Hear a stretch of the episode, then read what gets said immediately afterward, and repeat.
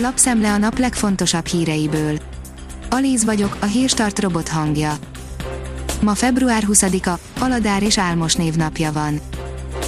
A Demokrata írja, fény az alagút végén. Házi orvosokat kérdeztünk az eddigi tapasztalataikról, és utána jártunk, milyen rendszerben folyik az oltás, ki milyen vakcinából kaphat.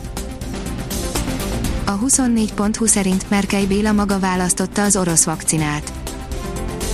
Jakab Ferenc szerint aki nem oltatja be magát, a gyorsan terjedő mutációk miatt biztosan elkapja a vírust. A privát bankár szerint repkednek a 10 milliárdok az éjszakai kormányhatározatban, kik a legnagyobb nyertesek.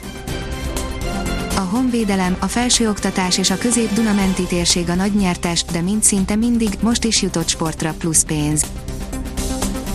A 168.20 szerint megduplázódott a pozitív tesztek száma Budapesten. Az antigén teszteket jövő hét szombatig lehet igénybe venni, ezek eredményét fél órán belül megtudhatják a jelentkezők.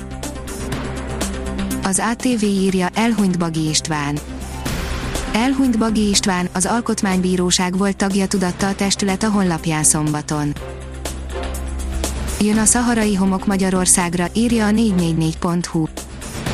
Most úgy tűnik, sáros eső nem várható, de a szállópor okozta légszennyezettséget növelheti a térség fölé érkező szaharai por a jövő hét második felében.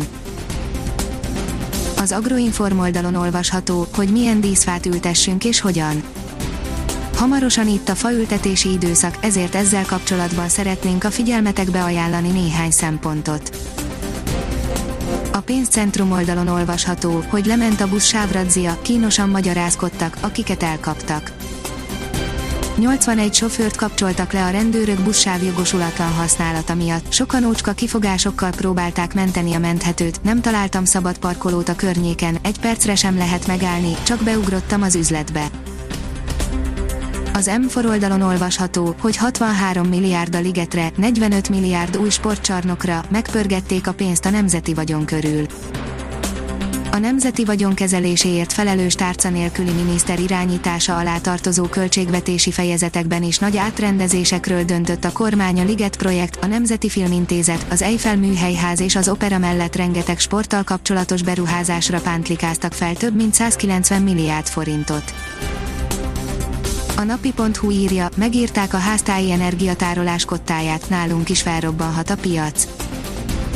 A német lakóingatlan piacon egy év alatt mintegy másfélszeresére nőtt az akkumulátoros energiatároló egységgel társított napelemes rendszerek aránya, az utóbbi évek adatai alapján a szakszövetség idén és az elkövetkező években ennél is nagyobb előrelépésekre számít.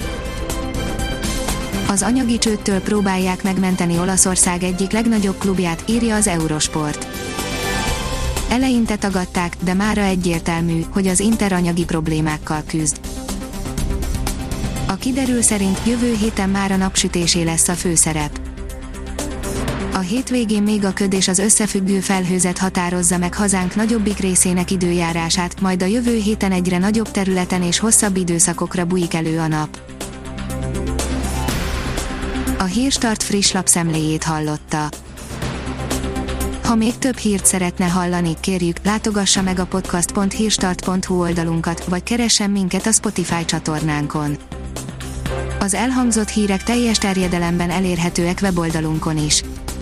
Ha weboldalunkon hallgat minket, az egyel korábbi adás lejátszása automatikusan elindul, beállíthatja, hogy az összes korábbi adás, vagy csak az aktuális tematika hírei következzenek. Köszönjük, hogy minket hallgatott!